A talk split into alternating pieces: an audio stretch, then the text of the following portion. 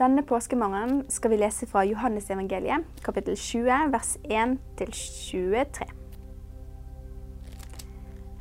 Men på den første dag i uken kom Maria Magdalena tidlig til graven, mens det ennå var mørkt.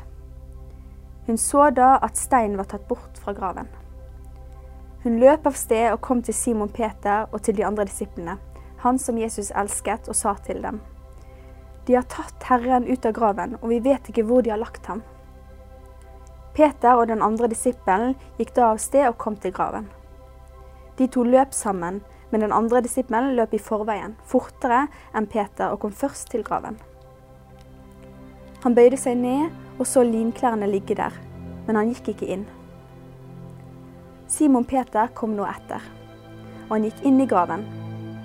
Han så linklærne som lå der, og at svetteduken som hadde vært på hodet hans, ikke lå sammen med linklærne, men var lagt sammen på et sted for seg selv.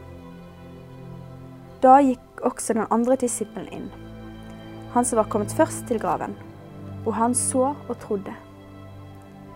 For de hadde ennå ikke forstått Skriften, at han skulle stå opp fra de døde. Disiplene gikk så hjem til seg selv igjen. Men Maria sto utenfor ved graven og gråt. Som hun nå gråt, bøyde hun seg og så inn i graven. Da får hun se to engler i skinnende hvite klær som sitter der hvor Jesu legeme hadde ligget, en ved hodet og en ved føttene. De sier til henne, 'Kvinne, hvorfor gråter du?' Hun sier til dem, 'De har tatt min Herre bort, og jeg vet ikke hvor de har lagt ham.' Da hun hadde sagt dette, snudde hun seg og så Jesus stå der. Men hun visste ikke at det var Jesus. Jesus sier til henne, 'Kvinne, hvorfor gråter du? Hvem leter du etter?' Hun trodde det var hagevokteren og sa til ham, 'Herre, dersom du har båret ham bort, si meg da hvor du har lagt ham, så jeg vil ta ham.' Jesus sier til henne, 'Maria'. Da vender hun seg og sier til ham på hebraisk rabbini, og det betyr mester. Jesus sier til henne, 'Rør ikke ved meg, for ennå er jeg ikke ført opp til Faderen.' Men gå til mine brødre og si til dem, 'Jeg farer opp til min far og deres far, min Gud og deres Gud.' Maria Magdalena kommer og forteller disiplene, 'Jeg har sett Herren.' Og hun fortalte dette som han hadde sagt til henne. Da det var blitt kveld samme dag, den første dag i uken, var dørene lukket der disiplene var, av frykt for jødene. Da kom Jesus og sto midt iblant dem og sa til dem, Fred være med dere. Og da han hadde sagt dette, viste han dem sine hender og sin side. Da ble disiplene glade da de så Herren. Han sa da igjen til dem, Fred være med dere. Faderen har utsendt meg, sender også jeg dere. Og han hadde sagt dette, åndet han på dem og sa til dem, ta imot Den hellige ånd. Dersom dere forlater noen deres synder, da er de forlatt. Dersom dere fastholder dem for noen, da er de fastholdt. Det naturlige ville vært å sette punktum for Jesus sine biografier med hans begravelse. Andre mennesker hadde påstått å være Messias, og påskemorgen så ligger vi fremdeles i gravene sine. Men Jesus sin historie slutter ikke på den måten. Den slutter faktisk ikke i det hele tatt. For alle øyenvitneskildringene skildrer en tom grav og en oppstanden herre. Fire øyenvitner forteller om en tom grav. Beviset for oppstandelsen er faktisk så overbevisende at Bibelen sjøl sier at Gud har bekrefta Jesus og være hans sønn og Messias, og at beviset ligger i oppstandelsen. For det første så plasserer evangelistene kvinnene som vitner til korsfestelsen, og til begravelsen, og til oppstandelsen. De var ikke regna som vitner i samtida, så det er nok ingen god grunn til å finne på historier med de som vitner. Dette styrker sannhetsgehalten i skildringene. Og så er det en del detaljer i tekstene påskemorgen som ikke gir mening i historien. F.eks. så sprang Johannes raskere enn Peter. Hvorfor vil du skrive sånne ting med mindre det er sant, og en øyenvitne skildring.